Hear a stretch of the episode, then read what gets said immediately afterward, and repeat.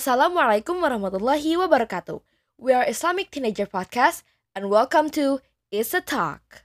بسم الله الرحمن قال المؤلف رحمه الله تعالى عن أبي ثعلبة الخشني جرثوم ابن ناشر رضي الله عنه عن رسول الله صلى الله عليه وسلم قال إن الله تعالى فرض فرائض فلا تضيعها وحد حدودا فلا تعتدوها وحرم أشياء فلا تنتهكها وسكت عن أشياء رحمة لكم غير نسيان فلا تبحثوا عنها dari Abu Tha'labah Al-Khushanni Jurthum bin Nashir radhiyallahu anhu dari Rasulullah sallallahu alaihi wasallam bersabda Sesungguhnya Allah telah menetapkan beberapa kewajiban maka janganlah engkau menyepelekannya dan dia telah menentukan batasan-batasan maka janganlah engkau melanggarnya dan dia telah pula mengharamkan beberapa hal maka janganlah engkau